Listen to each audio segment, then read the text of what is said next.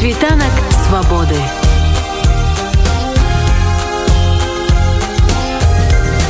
Світ вольнасці. У суботу ў Киеве адбыўся марш еднасці. Украінцы прайшліся вуліцамі сваёй сталіцы, каб паказаць, што расійскаму агроса агрэсару не ўдасца захапіць іхнюю краіну. А разам з украінцамі на маршы былі і беларусы. Пра ўдзел нашых землякоў у сюжэце. Расія вось ужо некалькі месяцаў бразгае сваімі іскандерамі вакол Украіны, сабраўшы ледь не ўсё сваё войска паўз украінскія межы не толькі са свайго боку, але начыніўшы ім і акупаваны Крым, марыянетачнае прыднястров'е ды Беларусь пад уладай лукашэнкі. Але саюзніцтва нелегітымнага лукашэнкі і Пуціна гэта поўная супярэчнасць настроем беларусаў. Беларусы ў мінулую суботу дэманстравалі ў Киеве сваю еднасць з украінцамі, а яны насуперак разлікам Масквы пасеяць паніку страх і сепаратысцкія настроі ва ўкраінскім грамадстве на два наадварот перад расійскай пагрозай як ніколі згуртаваліся асноўным воклічам маршу еднасці што праходзіў киеве стаў украінцы чыніць муць адпор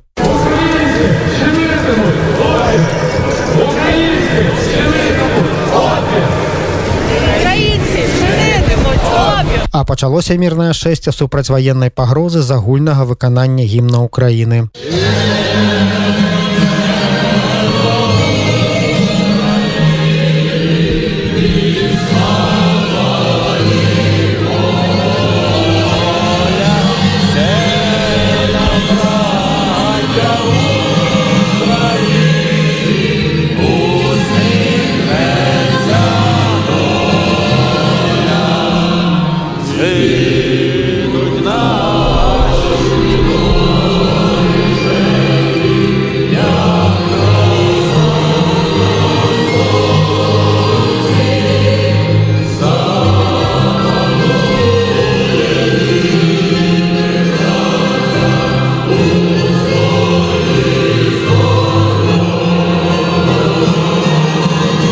адкрыў акцыю украінскі журналіст Дзяніс казанскі у сваёй прамове ён таксама ўзгадаў і беларусаў їхня політика зовнішня політика потерпіла крах вони не здатні запропонувати жодну привабливу модель для своїх сусідів вони можуть отримувати біля себе інші народи інші країни лише силою ми бачили цей приклад в білорусі де люди вийшли і вони заявили про те, що вони хочуть, але фактично силою придушили і поставили маріонетку свою Лукашенка, який фактично втратив суверенітет і втратив будь-яку легітимність. Ми бачили, як вони придушували протест в Казахстані, щоб допомогти диктатору втриматися. Так само вони хотіли би придушити силою нас, але не змогли. Ми побачили, що вони зробили в Донецьку, в Луганську, куди вони прийшли. Чи вони побудували там за цей час якесь е, нормальне, привабливе життя? Ні, все, що ми там бачимо, це занепад, розруха, тотальна руйнація нормального життя. Це все, що вони несуть з собою. І е, саме тому Україна буде чинити опір, тому що Україна не хоче, щоб нами тут помикали, командували якісь пани з Москви, які вважають нас своїм феодальним наділом що ми тут якісь холопи, які маємо поводити себе так, як вирішив барін в Москві. Так не буде. І дуже круто, що Україна сьогодні демонструє єдність, і наше громадянське суспільство демонструє е, своє реальне бажання, і в тому числі виходить на вулиці і в Харкові, і тут в Києві.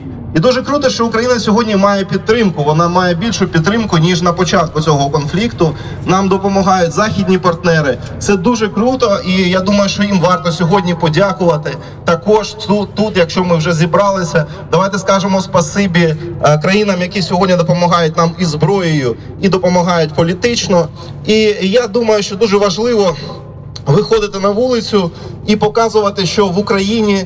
Е, є мільйони людей, які хочуть жити в своїй вільній країні, хочуть жити незалежно. Російська пропаганда всі ці роки намагається вдавати, що нас ніби не існує. Не існує ніякої України, нібито ми фейкова якась країна, фейковий народ, нема українців.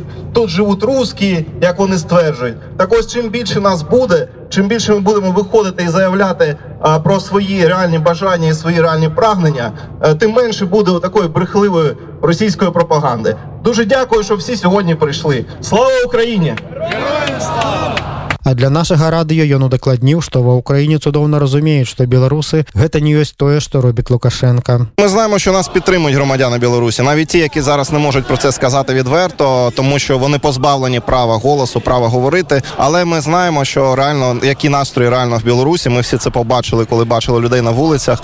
І ми знаємо, що ми солідарні з білорусами, які прагнуть свободи, а білоруси солідарні з нами. Менавіта гэта пацвердзілі нам і беларускія ўдзельнікі марша еднасці. Уладзімир лічыць, што з цяперашняй Расіі і Беларусі ўвогуле не варта падтрымліваць аніякіх дачыненняў. Украинский народ для нас всегда был братьями. И то, что происходит в моей стране, это для горя для белорусского народа. Я не считаю, что у нас э, есть какая-то власть. У нас власть захвачена, в моем понимании, это бандитами, которые вот сейчас ее удерживают. Почему российские войска у нас делают? Это они там не должны находиться. И политику России у нас простой народ вообще не понимает.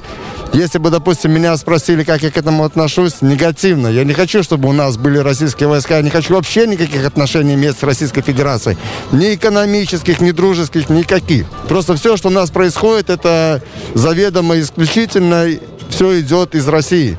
Высокий забор на границе Российской Федерации, оградиться от них и никаких отношений вообще не имеет с ними. А Кацярына адзначыла, што пазіцыя двух звар'яцелых дыктатараў гэта не пазіцыя народу. звар'яцелы дыктатар лукашенко запрасіў э, другога звар'яцелага дыктатара пуціна да сябе можна так сказаць у госці ён э, выдаў Беларусь як плацдарм для расійскіх войск результат можа быць э, вельмі непрадказальным тому что любая правакацыя можа прывесці да ак- і акупацыі Беларусі і э, да вайны з Украінай я прыйшла сюды каб падтрымаць сёння украінскі народ я хотела б сказаць что э, пазіцыя Звар'яцелых дыктатараў гэта не пазіцыя народа ні ў коім разе я б хотела сказаць украінцам что нам як народам няма чаго дзяліць і э, я лічу украінцаў сябрамі Еднасць беларусаў з украінцамі разумеюць і украінцы, якія ўдзельнічалі ў маршы. В нашому батальйоні вой- воювали білоруси, добровольчий батальйон ОУН. Були білоруси, так що тут мої друзі, з усіма вітаємося. Що я можу сказати? Білорусь зараз окупована, так як і частина України. Я не думаю, що білоруси підуть воювати в Україну. Я більше навіть я впевнений в тому, що більшість білорусів, ті, які виходили проти Лукашенка, вони повстануть проти нього і чи з нашою допомогою, чи самі, але ми скинемо то. Нездарма на маршы, акрамя ўкраінскіх воклічаў. Гучаў і наш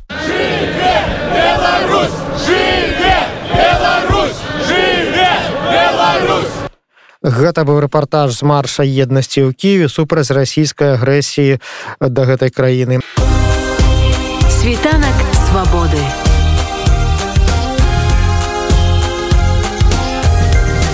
Świt wolności.